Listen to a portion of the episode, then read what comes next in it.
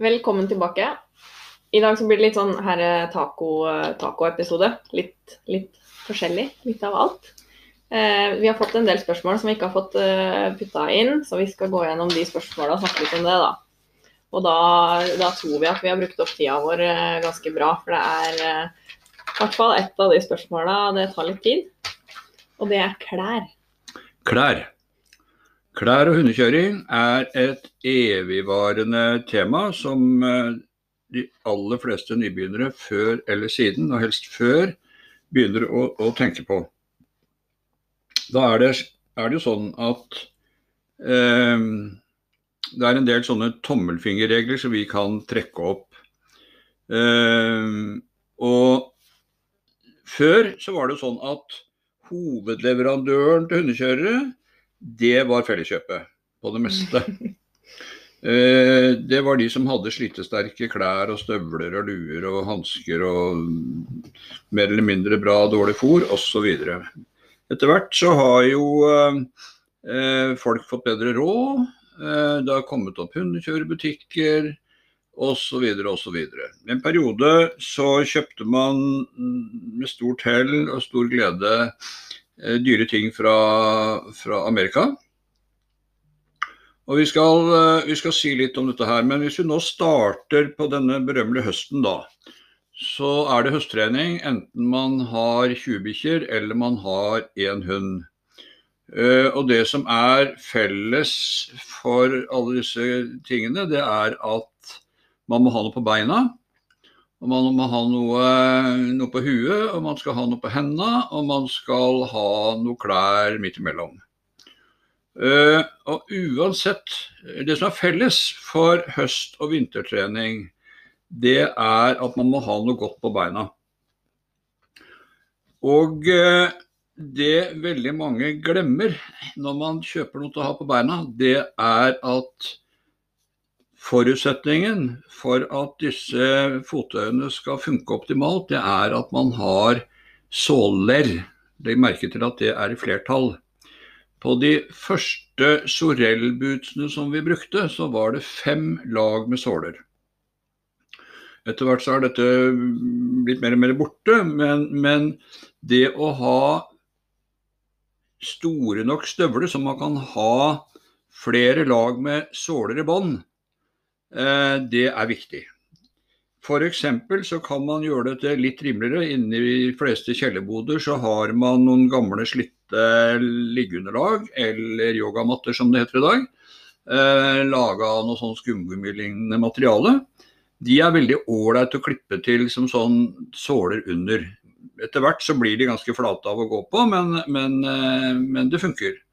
Og så må man ha et par med eh, ullsåler. Har man en støvel med innestøvel, så må man ha en tynn såle i bunnen av den innestøvelen også. Eh, dette kan man gjøre enten man bruker slagstøvler på uh, høsttrening, eller i alle fall når man kommer over til, uh, til snøtrening. Altså Nå er jeg sånn som alltid fryser på beina, så slagstøvler er liksom alltid. Ja. For da blir jeg kald på beina. Men de som jeg syns er veldig gode, er disse møkkbootsa. Ja. Neoprenstøvlene. De får du også på Felleskjøpet. Eh, de kan bestilles på nettet, og de er ikke så ille dyre, dyre lenger. Og de vanntette, og så er det varmere enn slagstøvlene. Helt riktig. Men såler. Ja. Men såler. Og to par med, med et tynnere par med ullstrømper og et tjukkere par med ullsokker. Ordentlig raggiser. Yes. Um, så uh, er det neste spørsmål er skal man da gå for flott Gore-Tex vanntett antrekk. Nå snakker vi høst. Vi snakker søle, vi snakker mye søle, vi snakker grus. Vi snakker mm, i det hele tatt skiftende dritforhold. Eh, da spiller på en måte ikke disse fancy oransje og grønne og ulike farger på Gore-Texen så stor rolle, for det er samme fargen allikevel. Det er bæsjebrunt. Uh, mitt forslag er at man, uh, man får tak i et Gjerne ha noen slitte Gore-Tex. Altså Gore-Tex er jo greit, men det er når de er blitt vaska noen ganger, eh, med, med feil vaskepulver og sånn, så er den der vanntettheten så som så. Så man kan like så godt eh, finne seg i å måtte ha et sett med eh, ullundertøyet som er litt eh, noen år gammelt. Både bukser og trøye.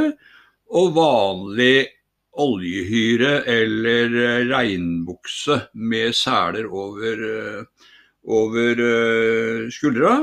For som Tone sier, eh, veit når du kommer hjem og trusa er våt, da har du for dårlig regntøy. Ja, altså jeg mener det er også Det er jo stor forskjell på om man skal nå trene til langdistanse, eller om man skal kjøre da sykkel og jobbe litt, bli litt varm. Så er selvfølgelig Gore-Tex veldig mye mer behagelig. Men i det sekundet du setter deg på en ATV eller på en vogn og skal være ute Så det å sette seg på ATV-en i bløt bukse, det er så ubehagelig. Jeg, jeg har hatt mye dyrt eh, Gore-Tex og prøvd og testa. Og, og, det å sitte på vogn og ATV, eh, det er fantastisk å ha ordentlig regntøy. For når du sitter der, så jeg skal love deg, du blir, ikke, du blir svett når du spenner opp bikkjene. Ja, for det puster ingenting.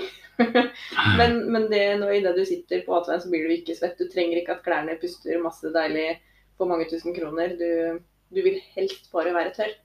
Og da å ha skikkelig oljehyre eller noe seilklær, altså et eller annet som virkelig holder vannet ute, det ja. syns jeg er mye bedre. Det er ikke behagelig, det er ikke pent, men det er praktisk. Veldig. Og det holder. Mm. Og så er det et glemt plagg her på Østlandet, og det er sydvesten.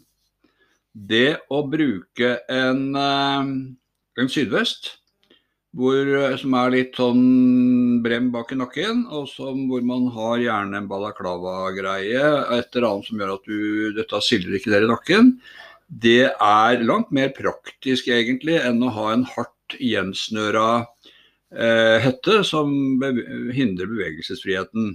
Ja, for vi har ikke, altså her, her, som vi bor, da, er det, ikke, det er ikke ekstremt mye regn.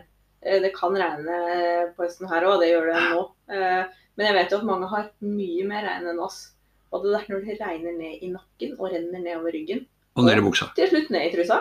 Det, da er sydvesten mye bedre, selv om man ser jo litt kålete ut, da. Det gjør man, eh, men det er ikke noe skjønnhetskonkurranse om motorshow og kjøre bikkjer. Det må vi liksom slå fast. Og så er det et vanskelig eh, greie som det ikke er noe fasit på, det er henda. Um, mange Eh, reklamer innimellom i jakt- og fiskeblader om eh, ulike hansker med vanntette egenskaper. Ja vel, kanskje det.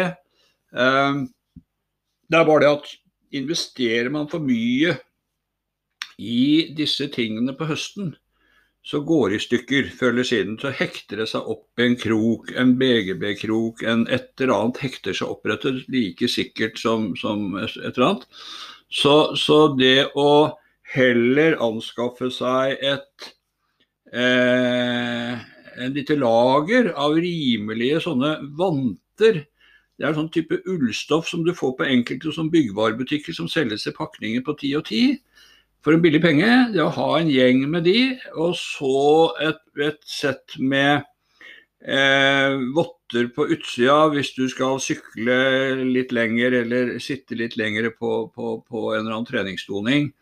Um, det beste jeg sjøl har opplevd, det var den dagen jeg hadde råd til å kjøpe en nyere ATV med varme i håndtakene, pluss at en hyggelig sånn scooterforhandler ga meg et par hansker med varme i, ved batterier. Det var første gang jeg opplevde å gjennomføre en sånn lang treningsøkt og fortsatt være varm. Mm. Men sånne hansker, ja du får kjøpt det på diverse kinesiske eh, postordrefirmaer. Eh, prøv det gjerne, det er ganske, ganske fiffig. Eh, du får jo også, hvis du skal være ekstra fancy, så får du jo varme vester, varme sokker, varme det meste. Alt kobla sammen i en liten sentral med batterier både her og både der. Men det har, jeg, jeg, har aldri kommet så langt økonomisk Nei. at jeg har gått innkjøp av det. Men Nei. det du sier om hansker Hvis man har et par dyre og vanntette hansker, og du har én valpetann som går gjennom, så blir de hanskene bløte. Ja. Og du har brukt alle pengene dine på et par dyre, fancy hansker. Det er kjedelig.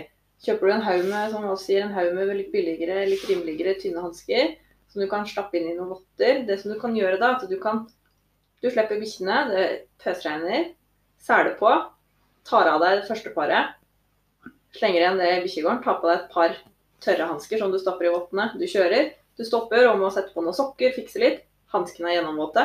Tar dem av deg, tar på et tørt par med hansker og stapper i vottene. Er du tørr på hendene, så kommer du så mye lenger. Med en gang du er, du bløt på hendene, så er det helt håpløst. Jeg har hatt, uh, hatt uh, De var dyrere. Det var noen sånn tynne, tynne ullhansker. Uh, og det var så deilig, men ulempen der var jo det at med en gang jeg brukte de til noe, så gikk det jo høl. Tynn ull tåler jo nesten ingenting. De her arbeidshanskene de, de, tåler mye, og du har råd til å kjøpe mange par. Du kan bare bytte de når de er våte, og du slenger dem når det er hull i dem. Og, og, så har du heller et par dyrere votter som da er, er eh, ikke blir brukt når du går fram og ordner og blir klissvåt. Så har du eh, disse hanskene, jakthanskene eller noe sånt, og de som har sånn Eh, hansketyper som du har utpå hendene, og så er det en sånn der løs sånn eh, vottegreier. Jeg personlig har aldri fått til det der. Det kommer alltid i veien når ting skal skje fort, og så henger det seg opp i sånn. Men de som får det til, lykke til. Det er sikkert en bra greie. Den blir bløt. Ja. Det verste er jo denne tida vi går inn i nå, som er en blanding av regn. Og eh, du kan starte hjemmefra i akseptabelt vær. Så kommer du litt oppover i terrenget, og så begynner det å regne. Og så kommer det som er djevelens verk, nemlig sludden. Mm. Sludd, Jeg har hatt noen sånne opplevelser hvor du kommer tilbake til enten det har vært bil, et eller annet sted hvor du skal begynne å løsne kroker. De er fulle av bæsj, og den bæsjen er frossen. Og du må ta deg på hendene for å få varma opp og tint disse krokene. Eh, og så blir du iskald på hendene, og du har et svært spann og du står og griner, for det er ikke noe som funker. Så, eh, så, det eneste jeg kan slutte med når det gjelder Hva skal vi si Det er Skaff dere en boks eller fem med sånne kjemikalieposer, sånne varmeposer. Ja, de er fantastiske. Ha, de er fantastiske. De er sommer som vinter og høst, ikke minst. Eh, i den, nå har vi snakka så mye om dette du skal ha med deg. Det betyr nemlig at når du reiser ut på trening, så har du en liten sekk. Du har med deg en liten sekk. Det er like obligatorisk i all utrustning for trening. Enten du trener sånn eller sånn. Der har du med deg noe å drikke. Eh, der har du med deg disse, noe plaster. Du har med deg ekstra sokker til bikkjene. Du har med deg noen ekstra vanter til deg sjøl. Og du har med disse små kjemiposene. De passer inn i votter, de passer inn i sko, de passer inn i lommer. De passer og, inn i BH-en, de passer inn ved skrukken. Altså, Teipen i skrukken har vi ikke hørt om, men vi vil gjerne høre noen tilbakemeldinger på den. Men, men, men faktum er at det å ha en sånn eh, eh Ha disse kjemikalieposene og øve seg på de, er kjempelurt. Nå skal det da en liten advarsel, en bitte liten advarsel. Vi hadde tilfelle på et ekstremt kaldt femmeløp en gang. Hvor en hundekjører hadde dette i vottene. Jeg vet ikke hva slags votter han hadde. Det vil si at de var i, på håndflatesida, og han fikk stygge forfrysninger på håndbaken. Eh, sånn at man, man, man Ja, altså det fritar deg ikke for aktsomhet på, på, på når det blir ekstremt kaldt. Mm. Det gjør ikke det, altså, for da må, du, da må, du, passe på. Men det kan vi snakke om uh, siden. Men altså, da har vi gått gjennom uh, noenlunde klærne på høsten. Ja, jeg, jeg, må bare si det at det, det var en tid hvor jeg drev og kjørte sparkesykkel. Og vi dro til Tyskland for å kjøre løp. Og det var høst, og det var regn og gjørme og ikke veldig varmt. Og når du liksom eh, later som du skal konkurrere i denne disiplinen Du kjører i joggesko og tights og en liten jakke. Eh, og kommer i mål etter å ha svømt gjennom løypa, og alt er bløtt og alt er kaldt. Du har bodd i bilen allerede i fem dager. Og jeg hadde sånn, de varmeposene. Jeg hadde i skoa, og jeg hadde i bukselomma, og jeg hadde dem i BH-en, og jeg hadde dem i lommene på genseren. De var overalt når jeg var ferdig og vi skulle begynne å kjøre hjem. Jeg var så kald, og jeg var så glad jeg hadde med meg sånne poser. Så var sånn jeg skulle dra, så var det sånn Ja, det er jo høsten. Men når du er våt, så er du så kald. Og så er du sliten, og så har du spist litt lite, og du er stressa. Da, De posene de er bare fantastiske.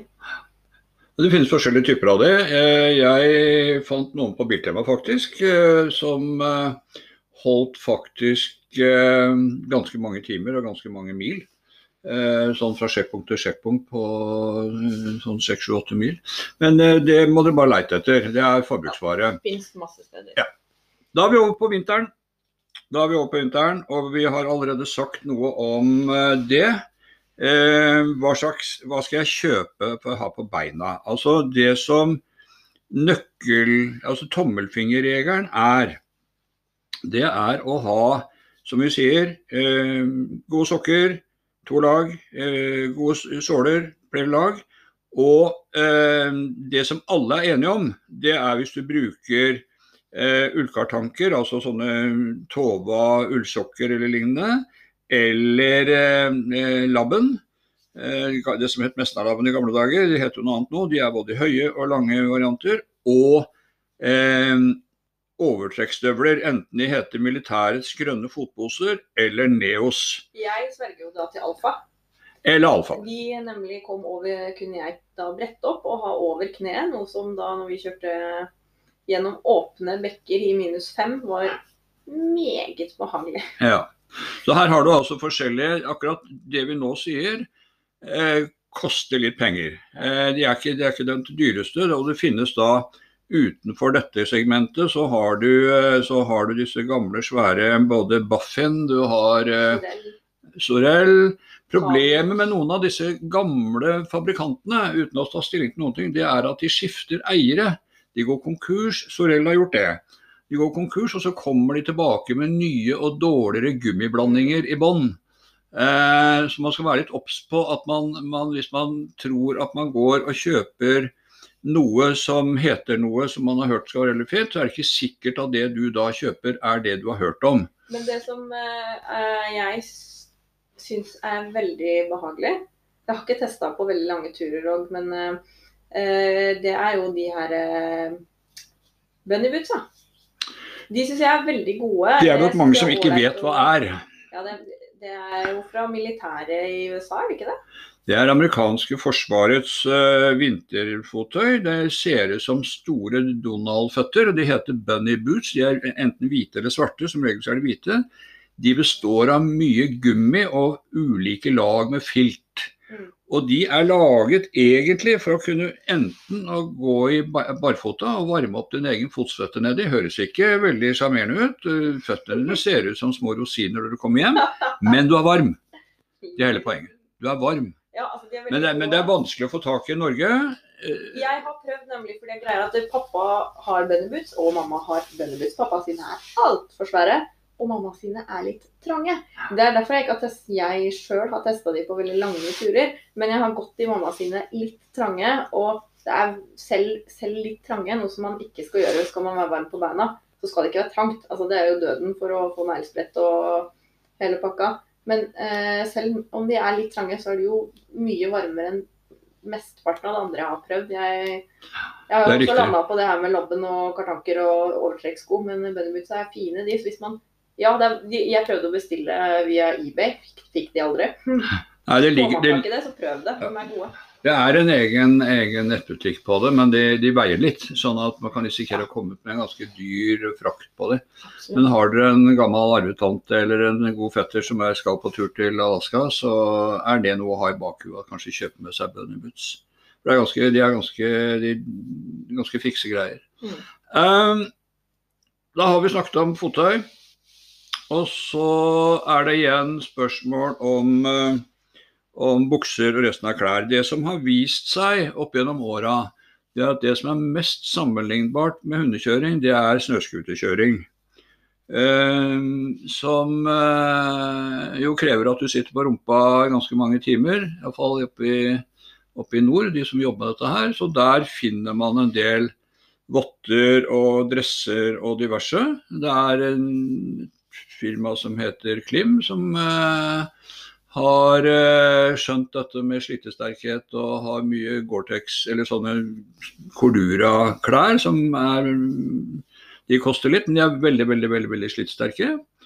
Uh, og det som jo er svært så viktig, det er jo at man kjøper store nok klær, sånn at man Mm. har plass til ting under. Eh, flere nummer for store. De skal være lange jakker nedover rumpa. Vi har før snakka om behovet for å ha gode bukseseler på, på buksene, sånn at ikke de ramler av du kommer rumpa bar, som vi har snakket, fortalt noen historier om. Da blir det i hvert fall kaldt. Da blir det veldig kaldt. Ehm, det å ha, det å ha jakker eh, som, som tåler eh, klær, eller klør til bikkjene. Ja. Og så kommer et Og det er klart at Gore-Tex er jo, om ikke uovertruffen, så et av de eh, materialene som tåler eh, vind, litt vann og litt søle. Men da må man bare passe på å sette seg godt inn i vaskeanvisningen, fordi sømmer og vann, eh, det som gjør at det er vannbestandig, det forsvinner ved mye vask. Så er det et viktig poeng. Eh, Det er dun. D-u-n. Husk at dun mister alle egenskaper som du har duna for, nemlig varmeegenskaper, når det blir vått. Mm.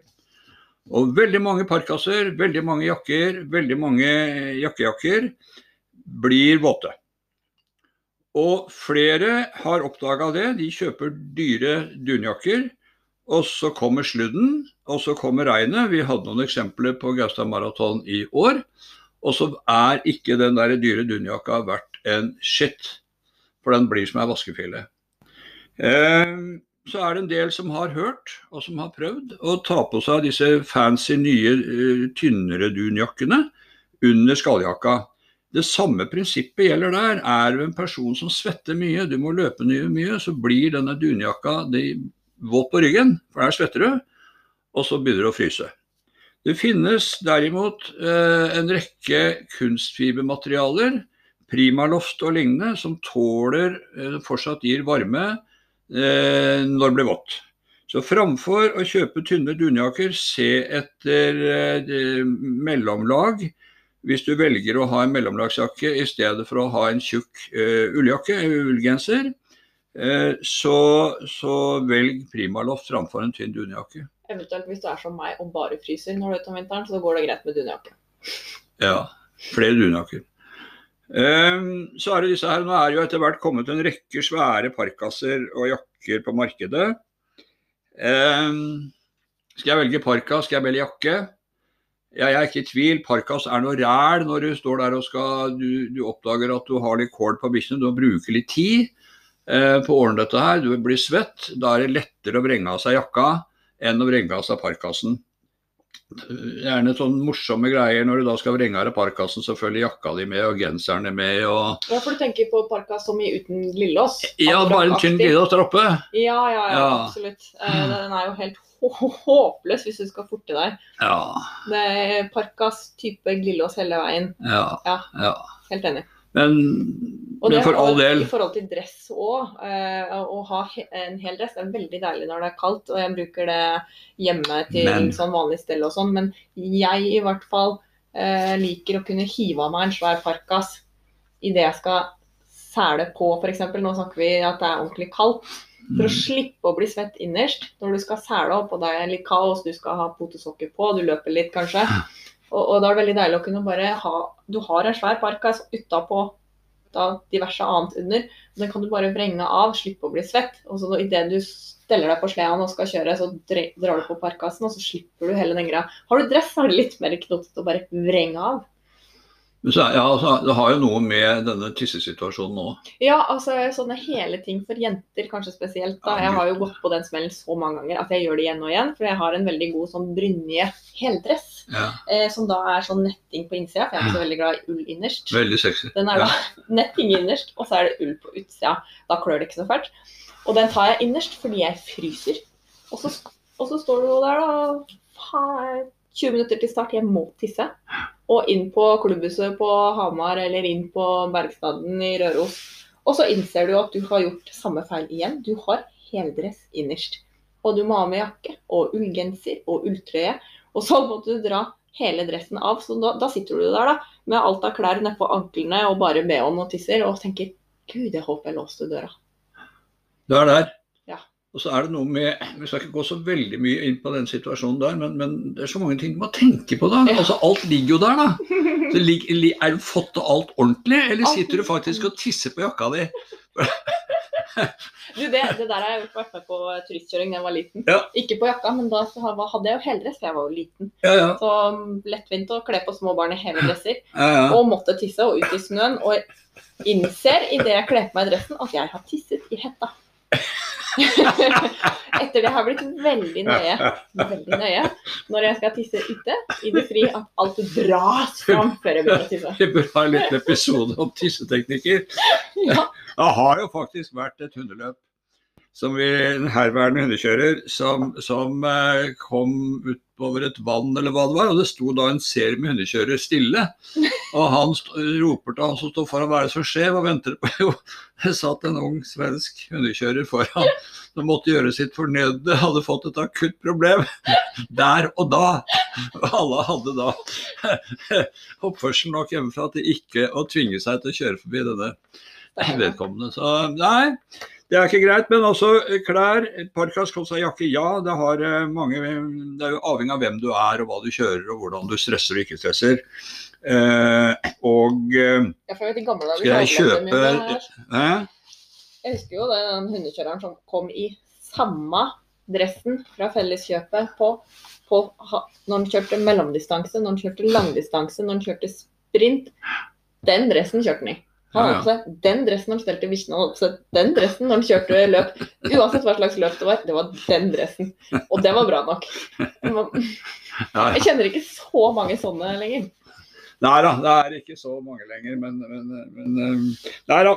Men uh, i dag finnes det jo parkaser og jakker til ufattelige priser.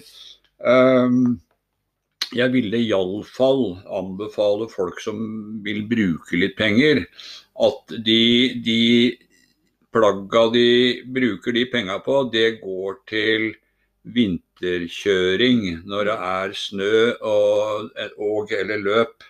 Eh, men, men høst og seintrening og eh, ville jeg nok ha satsa på noe, noe rimeligere. Og heller flere utgaver og flere lag med det meste. Eh, bare husk også at når du kjøper jakke, parkas, hva du nå er på, eh, så må dere prøve hetta til det hodeplagget dere vil bruke. Eh, det å bruke som balaklava-lur i ulike varianter, eh, det er én ting. Men det å ha en god hette fordi ofte så er det sånn at en del av, av skalldyrsfabrikantene eh, Skalldyr skal du gjøre her. Skalldyr har vi ikke kommet, det det ble en episode senere. Nei, men altså sånn skall.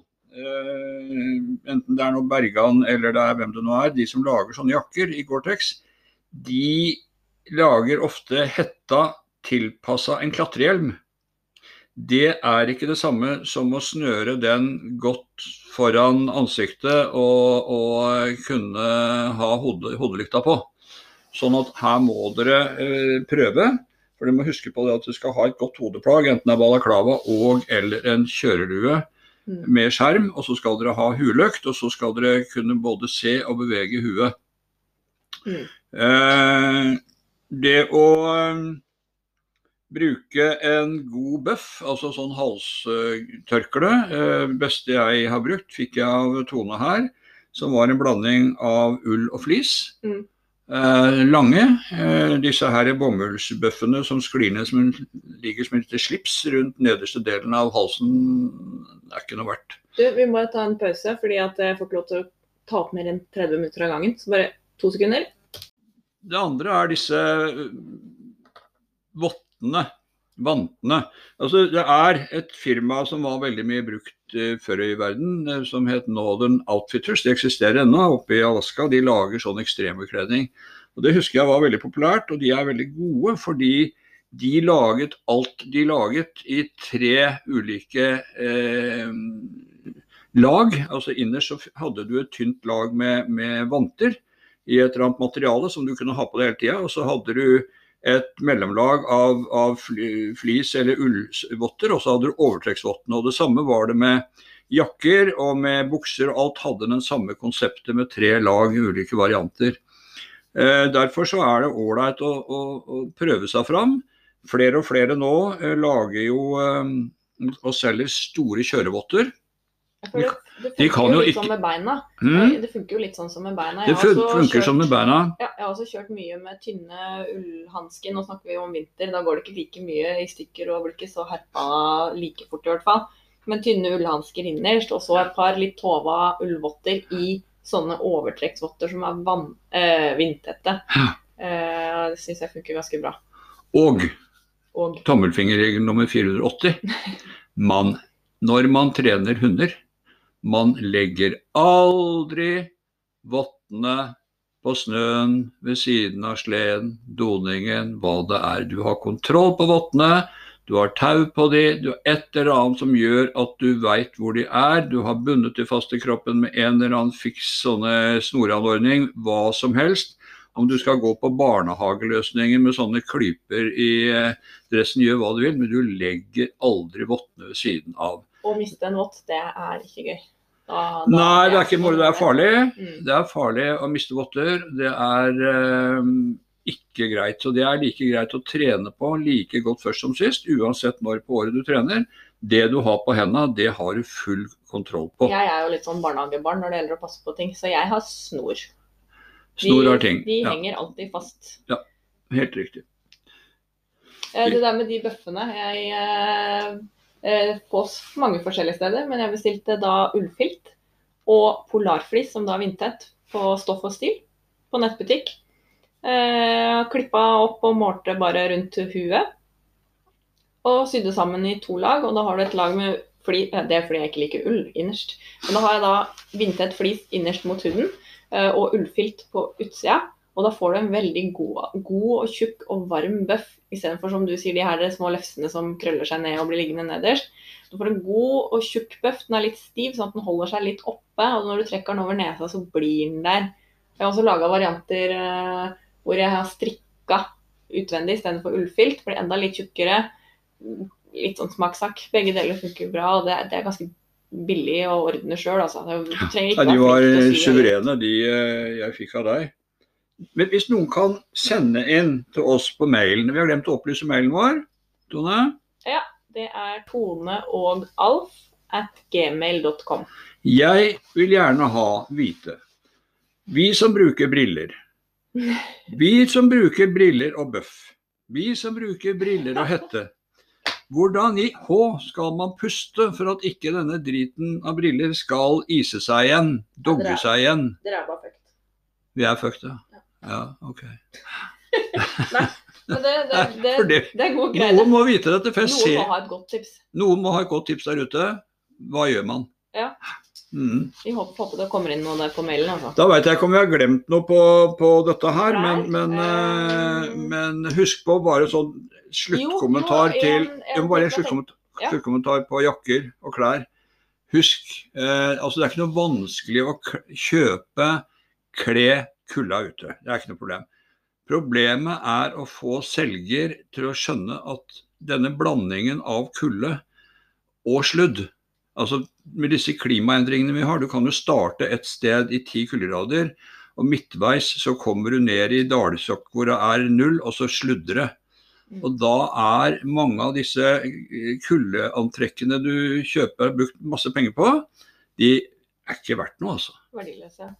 Mm. Det er det med parkas. Jeg vet jeg hadde en parkas en gang. Eh, og som sagt, så enten så bruker jeg jo da overtrekksvotter over mindre votter. Eh, men jeg har også kjørt mye i sånne svære skutervotter som er eh, ordentlig tjukke, med da tynne ullvanter i. Men det, noe av det som er utrolig frustrerende, er når du skal tre på deg de vottene, og du har åtte bikkjer som står og røsker opp ankeret, og du skal av gårde. og og det å få på votter over en parkas som ikke kan snurpes inn nede i armen, Ja. den er for tjukk til at du bare kan sluppe votten på utsida. Det hater jeg. Altså, det- kan være også greit å tenke over da. Det her ytterste laget du skal ha nederst mot der du skal stappe i vottene, det er veldig greit at passer sammen. For at du blir så irritert, og så blir det sprekk, og så får du snø inn i den sprekken. Åh, nei. Det er ikke bare der, vet du. Men du har også det som heter støvler. Ja. Da har du akkurat det samme problemet. Hvis du har støvler du ikke kan snurpe igjen, Ja. så endrer det med det at du stapper denne her denne eh, Hva som helst? ja, hva nå heter disse her buksene som, som, som du da normalt sett skal ha utapå denne, denne støvelen. Den får du ikke utapå, for det er ikke noe å snøre, så du putter den nedi. Og så kommer vi til det som kanskje ikke alle av dere unge lyarer har opplevd ennå, men som er et must å oppleve som hundekjører. Det er Se for dere, dette er jo en drømmedag i skogen. Drømmedagen i skogen, da har du virkelig glede deg. Du har gjort alt dette vi har snakka om. Alt er på plass. Bikkjene lines opp, de oppfører seg ordentlig. Eh, du står der med- tolv bikkjer. Du har slede, du har anker, du, altså det er sola skinner. Dette blir Du skal langt ut i fjellet osv. Det du da eh, er vant til å gjøre, det er at du spenner opp der hvor du bor, eller ved bilen. Du må rundt en sving for å komme deg opp på løypa. Så skjer følgende. En, du feilberegner svingen så du tryner. Fortsatt ikke noe katastrofe. For du har Fordi du har, jo, du har jo kontroll, du henger der, du slipper ikke. Du vet at før eller siden så, så kommer du deg opp på sleden, vil du bare kuler den. Så du benytter sjansen, de slakker litt ned, så du skvetter opp. Og så tråkker du venstre bein på bremsen. Nei, ikke på bremsen, nemlig du tråkker den mellom bremsen og sleden. Ja. Og der sitter den, skjønner du. Der sitter den dønn, den skoen din. Da har du fått på at det er en utfordring. Da, er, da er, har du liksom lagt egget. Ja. Um, jeg har ikke noen god løsning på det. Uh, fordi du kan stå overfor valget om å uh, røske til deg i beinet alt du kan, og dermed så ligger den og dyre støvelen din og henger etter borti der. Um, eller du kan håpe på at du får lirka den løs. Uansett, lykke til. Ja, det er action. Jeg har, for de som har kjørt hund eh, rundt Gålå-området, det er bratt. Eh, Jeg bomma på første avkjøring ned, så jeg endte opp på brøytavei. Nedover der er det ganske bratt. Veldig bratt. Så kom jeg da endelig superstressa, helt på gråten, fordi jeg var på vei nedover brøytavei inn på snøfattig løype nedover da dalsida der eh, fra Gålå. Og satte beinet ned mellom bremsen og sleden. Jævla mye sånne stubber og stein som så jeg, jeg var sikker på at jeg skulle brekke hele foten. Var helt grusomt. Og det tar så lang tid. Det gjør det. Det gjør det. Vi kan selvfølgelig her og nå avslutte og si at det går som regel bra. Det gjør det. Ja, du kan si det til deg selv. Mm. det går som regel bra. Det er ikke noe gøy. Nei, det er ikke noe moro. Da stopper vi foreløpig der.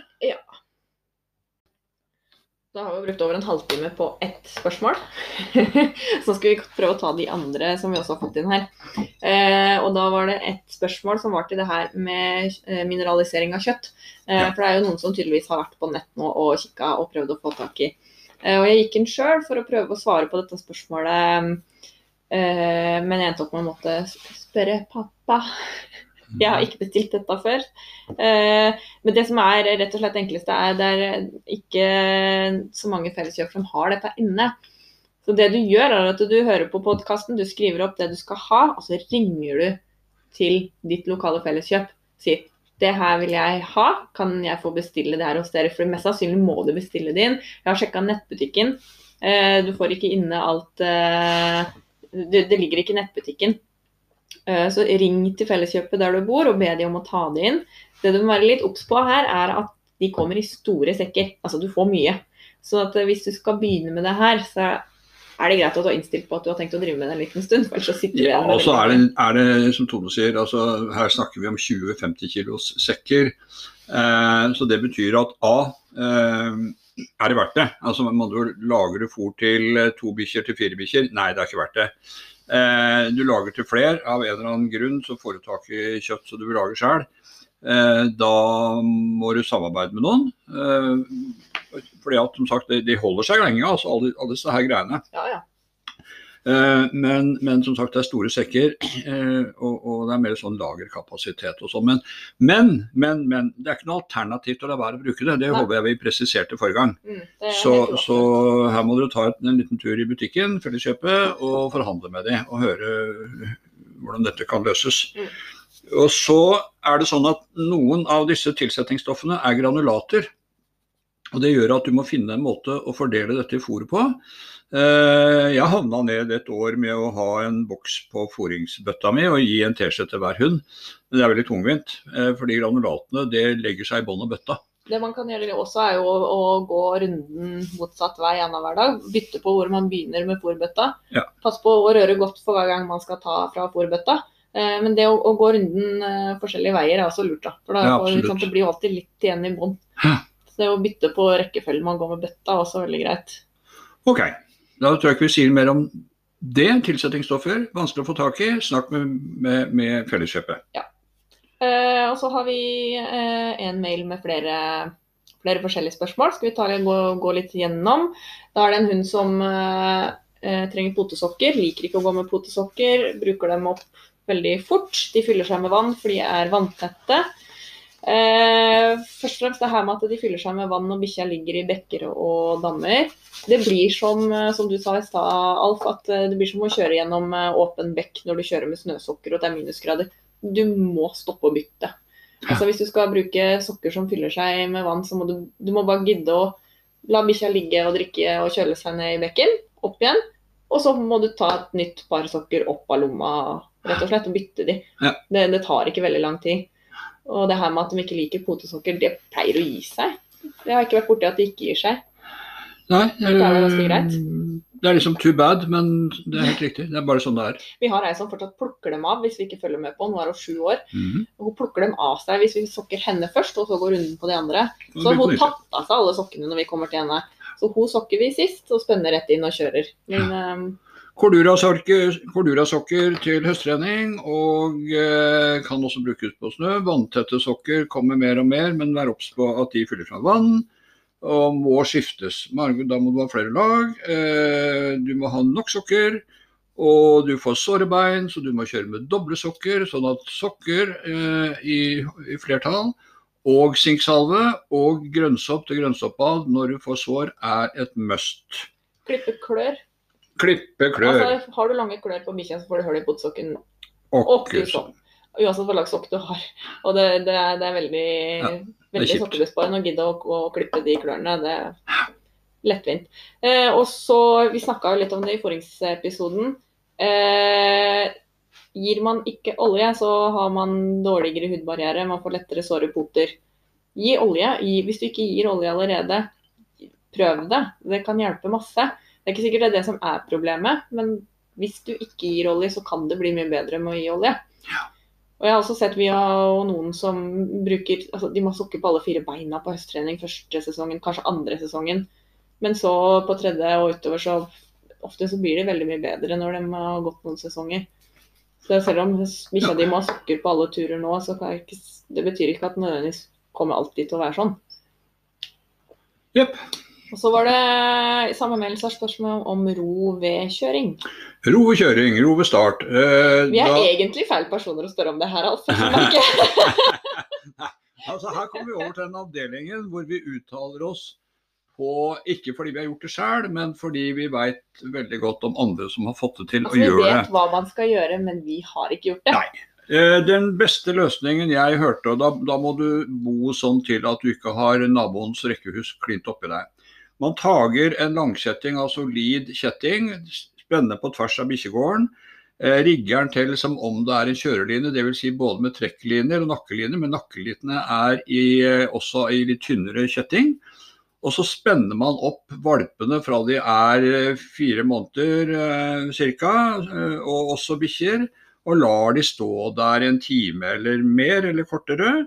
Og så venner seg til at eh, det å få på seg en sele, det å bli satt inn i et linespann, vil ikke nødvendigvis si at du skal ut og kjøre. Punktum. Det er en, en, en god regel, men da må, altså som all trening av hunder, så må dette Du må vite at du kan gjennomføre det, og du må gjennomføre det hver gang. Eh, og det, hvis du ikke du velger denne, denne måten, det å få hunder til å roe seg, da betyr det at du starter i det små. Du starter ikke opp med 16 bikkjer og tror at du skal få dem til å roe seg. Du må starte et helt annet sted. Og så er det sånn eh, at greier du dette med startpakka di på bikkjer, altså de to eller de fire, så preger de det andre. Mm. De preger det andre. Og et tips ut fra egen erfaring. Kjøper du voksne bikkjer utafra som kommer inn i hundegården din, så er det som mennesker. De bringer med seg en ny kultur og kan ødelegge hele greia di hvis ikke du er veldig påpasselig, er beredt på å ta med deg soveposen og ligge i bikkjegården din sammen med de nye bikkjene for å sørge for at den samme kulturen preger de som det du vil ha i hundegården din. Det er veldig mye enklere å lære opp valper til det her enn voksne hunder. Det å lære en sånn gærning som da har stått og, kauka i fem år før han kom til deg og biter liner og herjer og styrer, det er, det er ikke lett, altså. Nei, ikke... ikke si at jeg har fått det til.